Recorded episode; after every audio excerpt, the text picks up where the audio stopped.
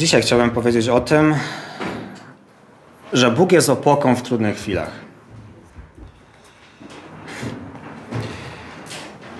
I słowem wstępu, no będę mówił o historii Eliasza.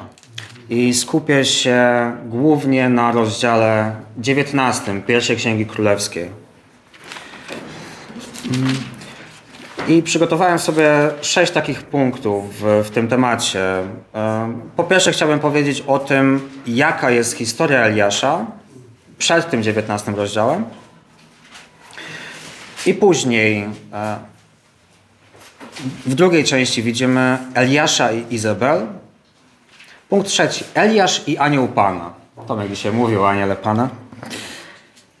Później Eliasz i Pan na Synaju. Później Eliasz i Elizeusz. Tak kończy się ten rozdział 19. I w ostatnim punkcie szóstym e, krótko, bardzo krótko o historii Eliasza po tym 19 rozdziale pierwszej Księgi Królewskiej. Dobrze. Więc otwórzmy sobie na początku 16 rozdział. Pierwsza Księga Królewska, rozdział 16 i wersety 29 do 33. Achab, syn Omriego, zapanował nad Izraelem w 38 roku panowania Asy, króla Judy. I panował Achab, syn Omriego, nad Izraelem w Samarii 22 lata. Czynił zaś Achab, syn Omriego, to co złe w oczach Pana, bardziej niż wszyscy, którzy byli przed nim. Mało, że chodził w grzechach Jeroboama, syna Nebata, pojął jeszcze za żonę Izabel, córkę Edbaala, króla Sydończyków, i służył Baalowi i kłaniał mu się. Wzniósł ponadto Baalowi ołtarz w domu Baala, który zbudował w Samarii. Achab sporządził również Aszerę i czynił więcej dla pobudzenia do gniewu Pana, Boga Izraela, niż wszyscy królowie Izraela, którzy byli przed nim. Jesteśmy w tym momencie historii, w którym mamy e, dwa królestwa. Mamy Królestwo Północne i Królestwo Południowe. I te dwa królestwa odstawiają się tak de facto na, na Izrael. Królestwo Południowe to jest Juda, a Królestwo Północne trzymało tą nazwę Izrael.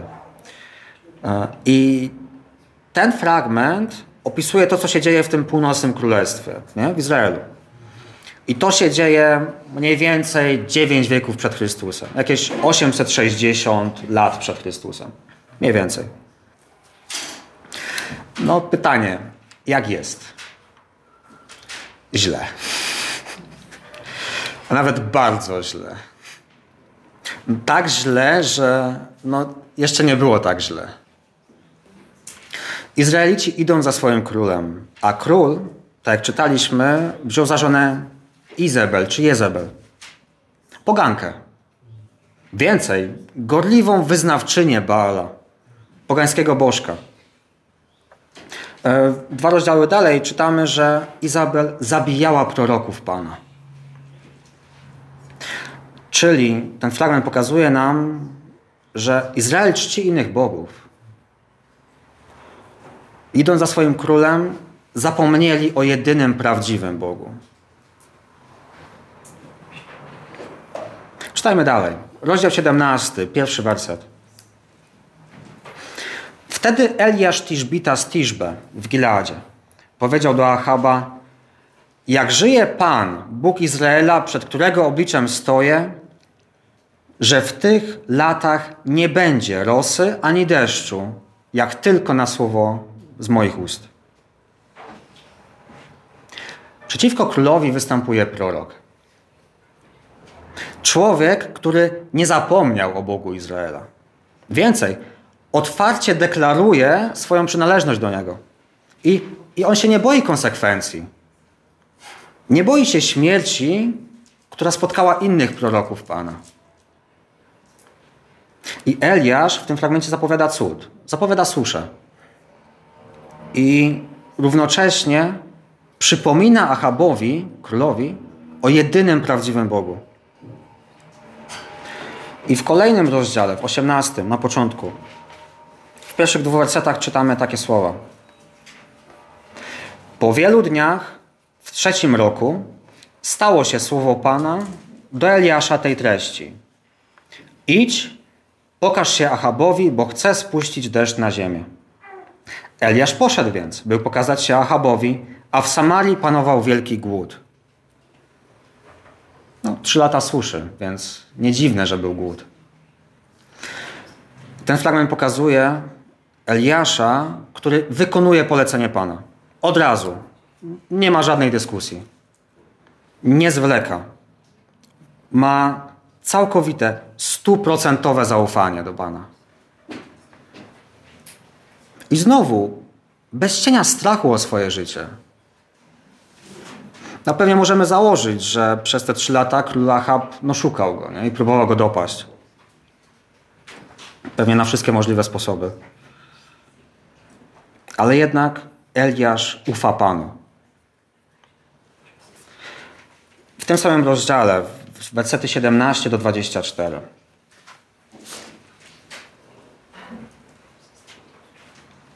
Gdy Achab zobaczył Eliasza, powiedział Achab do niego: Czy to ty, dręczycielu Izraela? A on odpowiedział: Nie ja dręczę Izraela, lecz ty i dom twojego ojca, przez to, że porzuciliście przykazania Pana. A ty poszedłeś za Baalami. A teraz poszli, zbierz mi całego Izraela na górze Karmel oraz proroków Baala 450 i proroków Aszery 400, obiadających stół Izabel. Achab posłał zatem wezwanie między wszystkich synów Izraela, a też zgromadził na górze Karmel proroków. Wówczas Eliasz wystąpił wobec całego ludu i powiedział: Jak długo będziecie kuśtykać między jedną stroną a drugą? Jeśli Pan jest Bogiem, idźcie za nim. A jeśli Baal, idźcie za nim. Lecz lud nie odpowiedział mu ani słowem. Wtedy Eliasz powiedział do ludu: Tylko ja sam pozostałem jako prorok Pana, a proroków Baala jest 450. Niech więc nam dadzą dwa cielce. A oni sobie wybiorą jednego cielca, poćwiartują go i położą na drwach, ale ognia niech nie podkładają. A ja też przygotuję jednego cielca i położę go na drwach, lecz ognia nie podłożę. Potem wzywajcie imienia waszego Boga. Ja zaś wezwę imienia Pana. I niech ten Bóg, który odpowie ogniem, okaże się prawdziwym Bogiem. Wówczas cały lud powiedział: Dobra to rzecz. W tym fragmencie ciekawe jest to, że Achab się słucha. Może chciał zrobić to, co Eliasz mówi, żeby ten mu dał już święty spokój. Albo po prostu był ciekawy, co z tego wszystkiego wyjdzie. I z drugiej strony, w tym fragmencie, no bardzo smutna jest ta postawa Izraelitów. Izraelici, którzy nie wiedzieli, kto jest prawdziwym Bogiem. Chcieli obydwu. Nie chcieli zadeklarować się po żadnej ze stron. I, i, I oni chcieli jakiegoś znaku. To było to, to jest dobra rzecz. Dalej czytamy w tym fragmencie, że nie było odpowiedzi na wołania tych proroków Baala. I docieramy do wersetu 36. I czytamy aż do 40. Gdy więc nadszedł czas składania ofiary z pokarmów, Eliasz, prorok, podszedł i powiedział: Panie Boże Abrahama, Izaaka i Izraela, niech się dziś okaże, że Ty jesteś Bogiem w Izraelu, a ja Twoim sługą i że na Twoje słowo przygotowałem to wszystko. Odpowiedz mi, Panie, odpowiedz mi i niech ten lud pozna, że to Ty, Panie, jesteś Bogiem i że to Ty zawracasz ich serca z powrotem. Wtedy spadł ogień Pana i strawił ofiarę całopalną i drwa, i kamienie, i proch ziemi, a wodę, która była w rowie, wysuszył. Gdy cały lud to zobaczył, padł na twarz. Mówili, Pan, On jest Bogiem. Pan, On jest Bogiem. A Eliasz powiedział do nich, schwytajcie proroków Baala, niech żaden z nich nie umknie. Schwytali ich więc, po czym Eliasz sprowadził ich nad potok Kiszon i tam ich wyciął. W tym fragmencie jedyny prawdziwy Bóg objawia swoją moc. Na oczach tłumów zgromadził się cały Izrael. I tak się wydaje, że to już jest koniec. Nie? że od tego momentu już wszystko będzie dobrze. Że cały naród powróci do czczenia jedynego prawdziwego Boga. Ale jak czytamy te rozdziały dalej, to widzimy, że nic takiego się nie stało. No i tutaj też pokazuje się to, ile jest warta wiara oparta tylko na znakach i cudach. Niewiele. Potem Eliasz, jak czytamy, modli się i spada ulewny deszcz. Po trzech latach suszy. I tak podsumowując to, to, co się dzieje do tej pory, no cała historia jest spektakularna. Dzieją się niewyobrażalne rzeczy.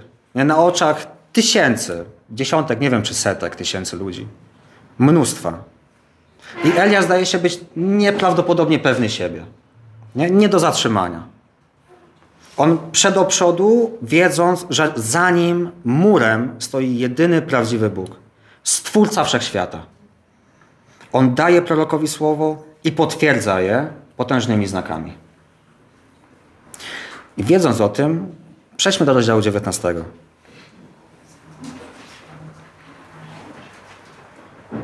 Przeczytajmy pierwsze dwa wersety.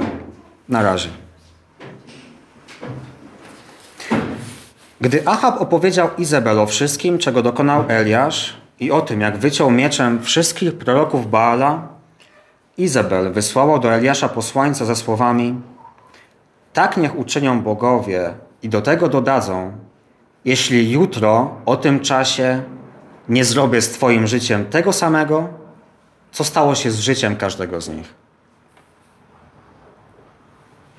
Co możemy tutaj zauważyć? Czy widzimy pokutującego Achaba? No nie. Od tego byśmy się spodziewali, prawda? Eliasz pewnie też mógł się tego spodziewać. I widzimy Izabel, e, która nie przejęła się żadnymi cudami. Obchodzi ją tylko i wyłącznie jej strata. Nie? W poprzednim rozdziale czytaliśmy, że prorocy, ci prorocy, jadali u jej stołu. Nie? Cieszyli się jej przychylnością. I w jej mniemaniu Eliasz, to Eliasz ich jej odebrał. Pewnie też myślała o utracie swojego wizerunku. Bo ci prorocy byli z nią skojarzeni, prawda? No i co robi? Obiecuje zemstę. Czy nie właśnie tak się zachowują ludzie w tym świecie? Szukają swego. Nie chcą Boga w swoim życiu. Nie chcą tego prawdziwego przynajmniej.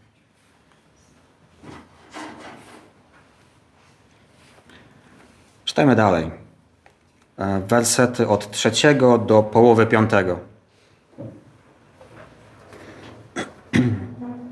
Eliasz przestraszył się zatem. Wstał i odszedł dla ratowania swojego życia. Gdy przybył do Berszeby, która należy do Judy, zostawił tam swojego sługę. Sam natomiast udał się na pustynię, w miejsce odległe o dzień drogi. A gdy tam dotarł, usiadł pod jakimś jałowcem i życzył swej duszy śmierci. Powiedział: Teraz już dosyć, panie. Zabierz moją duszę, bo nie jestem lepszy niż moi ojcowie. Potem położył się i zasnął pod tym jałowcem. Eliasz przestraszył się o swoje życie i ucieka. I jak czytamy, w Królestwie Południowym w Judzie zostawia swojego sługę w Berszebie i zostaje sam. I widzimy taką ludzką reakcję. Znaczy reaguje strachem. A później widzimy, że w tej podróży, najpierw do Judy, a potem na pustynię, on pogrąża się w poczuciu takiego bezsensu. Takiego braku celu. Przed chwilą się wydawało, że jego misja się zakończy. Nie? I cały naród, włącznie z parą królewską, się upamięta. Nic takiego się nie stało. To po co było to wszystko? Po co było się męczyć? Po co się starać? Można sobie wyobrazić, że Eliasz mówi mniej więcej tak. Już mam dość. Już mam tak serdecznie dość. Jestem już tak bardzo zmęczony. Bez sensu to wszystko. Ludziom przede mną nic się nie udało zrobić. A ja nie jestem lepszy. Jestem beznadziejny. Wszystko, co zrobiłem, było na marne. Widzimy strach. Olbrzymi zawód. Brak poczucia sensu w życiu. Brak celu. Brak jakiejś perspektywy. I te rzeczy czuje człowiek, który przecież całkowicie polega na Bogu.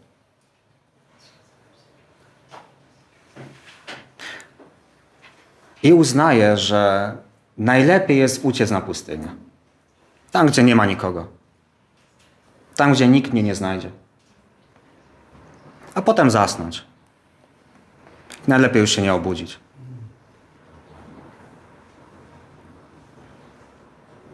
Ale to, co możemy zauważyć, czego się możemy uczyć, jest to, że we wszystkim Eliasz mówi do Boga. On się modli. On nie zapomina o Bogu. Wręcz przeciwnie, on ciągle z nim rozmawia. O wszystkim mu mówi. Czytajmy dalej do wersetu szóstego. Lecz oto anioł, anioł trącił go i powiedział do niego: Wstań, zjedz. Gdy spojrzał, oto przy jego głowie leżał upieczony placek oraz dzban z wodą. Zjadł więc, napił się, odwrócił się i zasnął. Bóg nie zapomina o Eliaszu. Przychodzi anioł i budzi go ze snu, z jego takiego letargu. I daje mu prostą instrukcję. Wstań, zjedz. I Eliasz zjadł i napił się wody. A przecież, no tak jak czytaliśmy, przez trzy ostatnie lata był głód. W tej ziemi, którą dopiero co opuścił. No i opuszczał ją w pośpiechu. A teraz jest na pustyni. Więc widocznie nie miał niczego do jedzenia ani do picia. Ale Bóg mu to zapewnił. Bóg się zatroszczył o jego potrzeby. I to jest ciekawe, że ciekawe jest to, jakie kroki podejmuje Bóg w stosunku do właśnie takiej osoby, takiej osoby pogrążonej w smutku, w takim głębokim smutku. Że w pierwszej kolejności zajmuje się jego fizycznymi potrzebami. Eliasz zjadł, napił się wody, ale nie wstał. Tylko wrócił do swojego snu, nie? do swojego letargu. I czytajmy dalej do połowy wersetu dziewiątego. Lecz anioł Pana wrócił po raz drugi, trącił go i powiedział: Wstań, zjedz, bo droga jest dla ciebie zbyt daleka. Eliasz wstał więc, zjadł, napił się i szedł w mocy tego posiłku 40 dni i 40 nocy aż do Bożej Góry Choreb. Tam wszedł do jaskini, aby przenocować. Tutaj czytamy, że no właśnie, ten anioł to nie był zwykły anioł. Czytamy, że jest nazwany aniołem Pana. I to określenie jest używane w Starym Testamencie, kiedy jest mowa o objawieniach Chrystusa. W Starym Testamencie. I to nie znaczy, że Chrystus nie jest Bogiem. Nie? Albo jest jakimś aniołem, albo archaniołem. Nie. W innych fragmentach Biblii, gdzie jest to sformułowanie, jasno widać, że anioł Pana to jest Bóg. I w tym fragmencie anioł Pana powtarza już to, co mu powiedział. Dodając przy okazji, że Eliasza czeka długa droga. Więc Eliasz znowu je i pije, ale tym razem wstaje i idzie. Idzie tam, gdzie wszystko się zaczęło, tak naprawdę. Idzie tam, gdzie Bóg zawarł przymierze z Izraelem. Gdzie Mojżesz otrzymał od Boga prawo, bo Choreb, góra Choreb to inna nazwa góry Synaj. Mo, a Eliasz idzie spotkać się z Bogiem. Izrael złamał przymierze, więc Eliasz idzie tam, gdzie to przymierze otrzymali. I idzie przez 40 dni i 40 nocy. Podobnie jak Izraelici, którzy szli przez pustynię 40 lat, albo podobnie jak Mojżesz, który był z Panem na tej górze, na górze Synaj, 40 dni i 40 nocy. No i z tej góry zszedł, mając w rękach dwie kamienne tablice. Czyli to pokazuje pewien nowy etap. Jeszcze raz. Eliasz idzie spotkać się z Bogiem. I znowu, jaka z tego nauka dla nas? My też. Powinniśmy zawsze i we wszystkim przychodzić do Boga. Tak jak Eliasz. Szczególnie właśnie w trudnych chwilach. Czytajmy dalej, e, do połowy wersetu 13.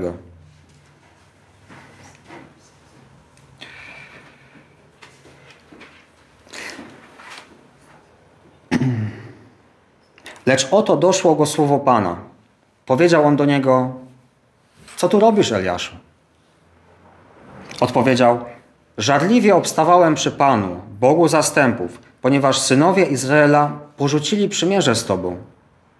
Poburzyli Twoje ołtarze, wycięli mieczem Twoich proroków i zostałem ja sam. Lecz i mojej duszy szukają, aby mi ją odebrać. Wtedy powiedział: Wyjdź i stań na górze przed Panem. A oto Pan przechodził. Przed Panem dął wiatr, potężny i porywisty. Rozdzielał góry i kruszył skały, lecz nie w tym wietrze był Pan. Po wietrze zatrzęsła się ziemia, lecz nie w trzęsieniu był Pan. Po trzęsieniu wystrzelił ogień, lecz nie w tym ogniu był Pan. Po ogniu zaszemrał głos, delikatny szept. Gdy Eliasz to usłyszał, otulił płaszczem twarz, wyszedł i stanął u wejścia do jaskini. Co tu robisz? Dlaczego do mnie przychodzisz? Nie, nie w takim znaczeniu, że niepotrzebnie. Odwrotnie. Bóg właśnie chce pomóc Eliaszowi. Czy Bóg nie wiedział? Bo zadaje pytanie, więc nie wiedział? Bóg wie wszystko. Ale On chce, żebyśmy z Nim rozmawiali. On tutaj zaczyna rozmowę, on odpowiada na modlitwy. I on pomaga, on kieruje, on nie zostawia nas samych. I równocześnie Bóg chciał pewnie, żeby Eliasz pozbierał swoje myśli, żeby nazwał to, co się z nim dzieje, w jakiej jest sytuacji, bo to było właśnie jemu potrzebne, nie Bogu. Co mówi Eliasz? Eliasz po pierwsze stwierdza, co robił. Żarliwie obstawałem przy Panu, Bogu zastępów. Mówi, dlaczego to robił. Ponieważ synowie Izraela porzucili przymierze z Tobą. I potem zanosi skargę na Izraela. Poburzyli Twoje ołtarze, wycięli mieczem Twoich proroków. I później mówi, zostałem sam ale mnie też szukają, żeby mnie zabić. I myślę, że znowu w tym fragmencie możemy się uczyć modlitwy od Eliasza. Właśnie szczególnie, kiedy przechodzimy trudne momenty, bo Eliasz, co, co on robi? On opowiada Bogu o swojej sytuacji, o wszystkim, co się dzieje. Opowiada, co robił, opowiada, co go spotkało. Opowiada też, jak się z tym wszystkim czuję, jak się odnajduję w tej sytuacji. Mówi, zostałem sam. Co Bóg na to? Pan każe mu stanąć przed sobą. I przechodzi. Dlaczego tak? Dlaczego, dlaczego taka sytuacja? Widocznie Bóg uznał, że spotka się z Eliaszem osobiście. Tak jak z Mojżeszem. I co ten opis, ten fragment mówi o Bogu? Mówi o Bogu to, że Bóg nie jest w potężnym wietrze, w trzęsieniu ziemi ani w ogniu, ale jest w delikatnym szepcie. Co to mówi Eliaszowi? Że ludzie nie znajdą Boga w wielkich i cudownych przejawach mocy. Chociaż On czyni znaki i cuda. Bóg mówi Eliaszowi, że dociera do ludzi poprzez cichy i delikatny szept. Bóg dociera do serca człowieka w sposób cichy i łagodny. I wiara zbudowana na znakach i cudach nie daje prawdziwego poznania Boga. W tej historii Bóg przypomina, jaki tak naprawdę jest. Eliasz słyszy delikatny szept, wychodzi i staje przed Panem. Czytajmy dalej. Do wersetu 18.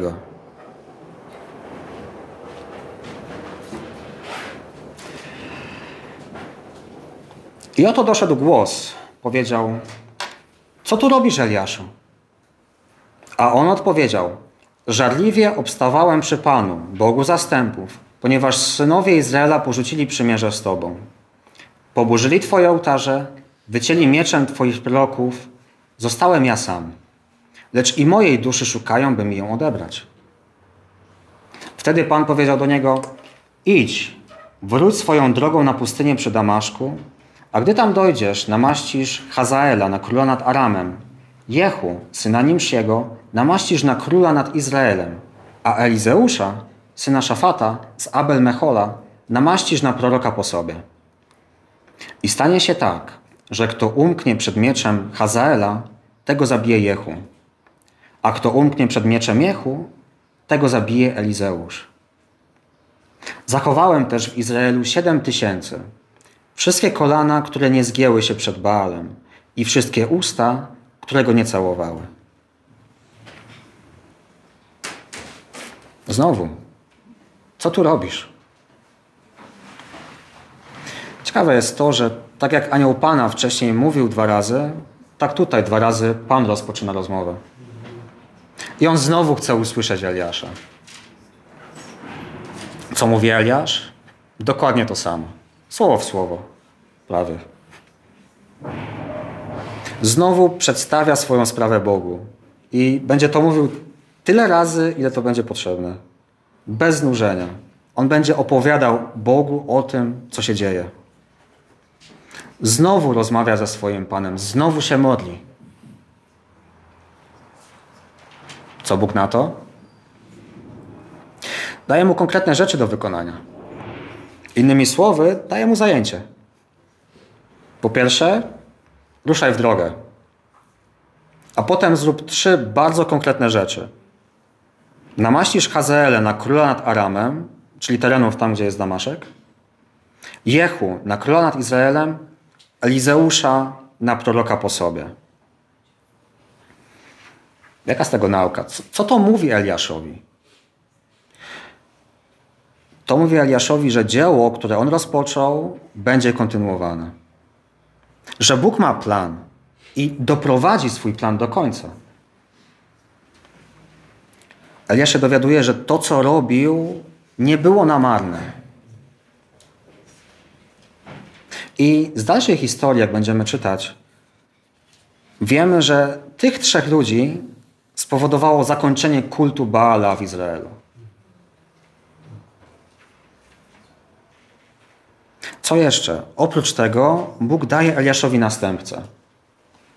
Daje mu ucznia, kompana, przyjaciela, kogoś, kto będzie kontynuował jego pracę. I Eliasz już nie będzie sam. I Pan też dodaje otuchy Eliaszowi na dwa kolejne sposoby. Werset 17. I stanie się tak, że kto umknie przed mieczem Hazaela, tego zabije Jehu, a kto umknie przed mieczem Jehu, tego zabije Elizeusz.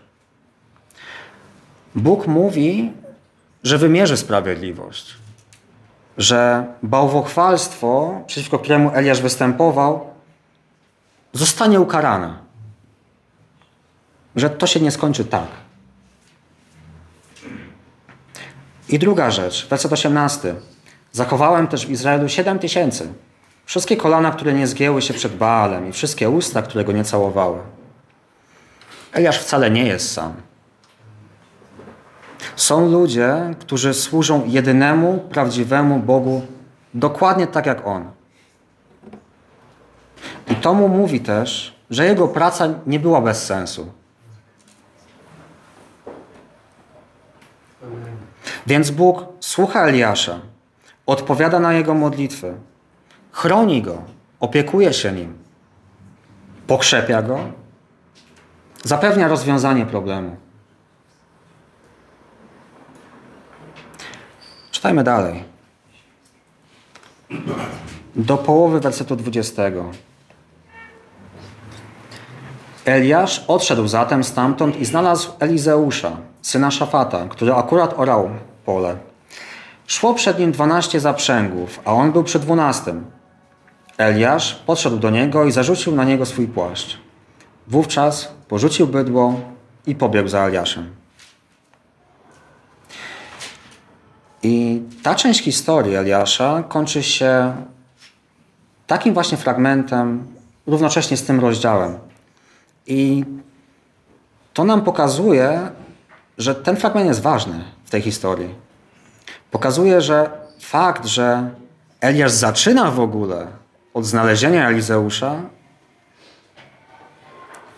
mówi, jak bardzo potrzebował kompana. Elizeusz rozumie, co się dzieje i idzie za Eliaszem. Czytamy dalej.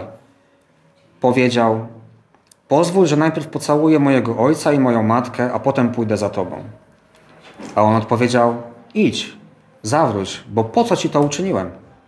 Zawrócił więc od niego, wziął bydło z zaprzęgu, złożył je w ofierze, a na uprzęży z bydła ugotował ich mięso. Dał ludziom i ci jedli.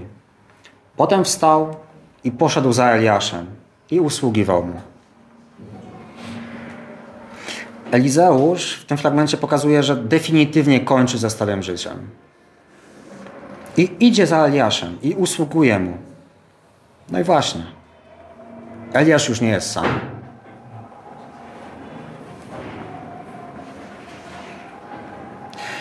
Jak wygląda historia potem? Ciekawe jest to, że Eliasz nie wykonał tych wszystkich trzech poleceń Boga. Nie, nie namaścił Hazaela na króla nad Aramem, ani Jehu nad króla nad Izraelem. Bo zrobił to dopiero Elizeusz. Ale tak czy inaczej, w tych kolejnych rozdziałach czytamy, że Eliasz kontynuuje swoją służbę proroka. W rozdziale 21 czytamy o tym na przykład. I tam o dziwo Achab w końcu pokutuje na słowa Eliasza. I to jest końcówka rozdziału 21. Wersety 25 do 29. I tutaj to jest końcówka wypowiedzi Eliasza, bo rzeczywiście, końcówka wypowiedzi albo już komentarz. Bo rzeczywiście nie było takiego jak Achab, który by się tak zaprzedał czynieniu tego, co złe w oczach Pana. Do czego zresztą zwodziła go Izabel, jego żona. Zohydził się bardzo, chodząc za plugastwami we wszystkim, jak to czynili Amoryci, których Pan wydziedziczył przed synami Izraela. I teraz, gdy Achab usłyszał te słowa, rozdarł swoje szaty, wdział wór na swoje ciało i pościł. Sypiał w worze i chodził przygnębiony. Wówczas stało się słowo Pana do Eliasza Tiszbity tej treści. Czy widziałeś, jak Achab upokorzył się przede mną? Dlatego, że upokorzył się przede mną, nie sprowadzę nieszczęścia za jego dni. Sprowadzę nieszczęście na jego dom za dni jego syna. I dalej czytamy o Eliaszu. E, dopiero w drugiej księdze królewskiej. I jego historia kończy się w drugim rozdziale. Tam czytamy, jak Eliasz zostaje wzięty do nieba. I później to Elizeusz kontynuuje jego służbę jako proroka.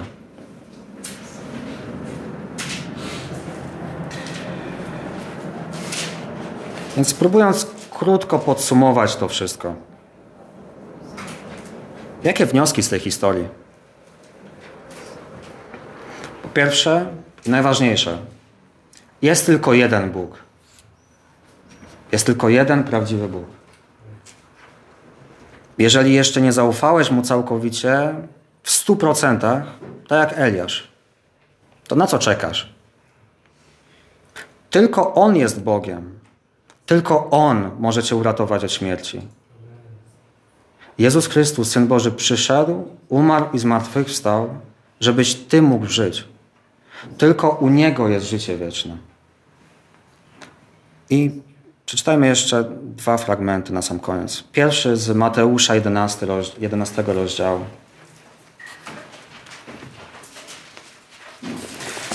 Dwadzieścia siedem do trzydzieści.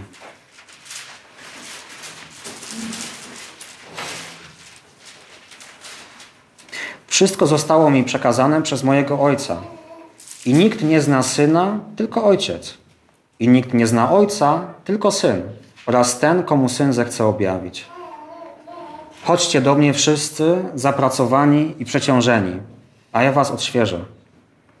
Weźcie na siebie moje jarzmo i uczcie się ode mnie, że jestem łagodny i pokorny sercem, a znajdziecie odświeżenie dla waszych dusz, gdyż moje jarzmo jest wygodne, a moje brzemię lekkie. I ostatni wniosek. Jeżeli On jest Twoim Panem, to wiedz, że On Cię nigdy nie opuści. Nie jesteś sam. Nie jesteś sama. U Niego zawsze znajdziesz schronienie i pomoc. Zawsze i o wszystko się mór. Możesz się na nim całkowicie oprzeć, bo on jest opoką, która się nigdy nie zachwieje. I na zakończenie Psalm 46. Pierwsze trzy wersety.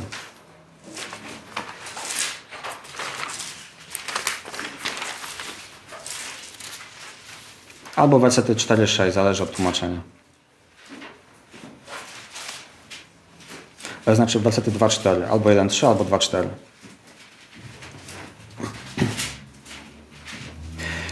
Bóg naszą ucieczką i siłą, zawsze dostępną pomocą w trudnościach. Dlatego nie przestraszy nas trzęsienie ziemi, ani wstrząsy gór w samym sercu mórz. Niech szumią, niech pienią się ich wody, góry drżą wobec Jego potęgi. Sela. Amen.